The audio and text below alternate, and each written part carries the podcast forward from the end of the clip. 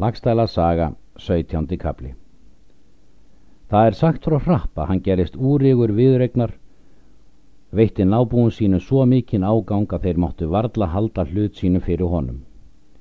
Rappur gat ekki fanga á þórði fengi síðan Ólafur færðist á fætur.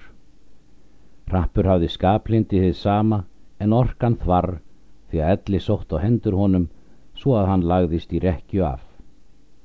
Þá kallaði hrappur til sín vigdísi konu sín og mælti. Ekki hef ég verið kvellisjúkur, segir hann. Er á það líkast að þessi sótt skilji vorar samvistur. En þá að ég er mandaður, þá vil ég mér láta gröf grafi í eldhústyrum og skal mig niður setja standanda þar í dyrónum. Má ég þá enn vendilegar sjá yfir hýbíli mín.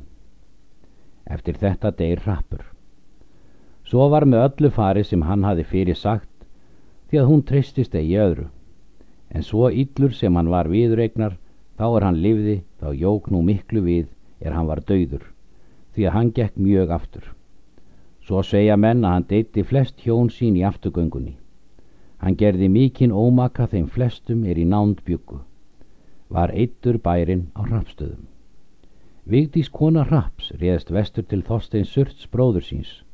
Tók hann við henni og fjö hennar. Nú er enn sem fyrr að menn fór á fund höskulds og sögðu honum til þeirra vandræða er hrappur geri mönnum og byggja hann nokkuð úr ráða. Höskuldur hvað svo vera skildu, fer með nokkura menn á hrappstaðu og latur grafu upp hrapp og færa hann í brott, þar er síst væri fjárgangur í nánd eða mannaferðir. Eftir þetta nemast af heldur afturgöngur hraps. Sumarliði, svo hann hraps tók fjö eftir hann og var bæði mikið og frítt.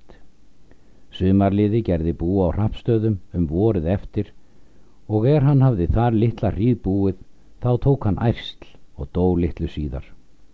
Nú á Vigdís móður hans að taka þar einn fjö þetta allt.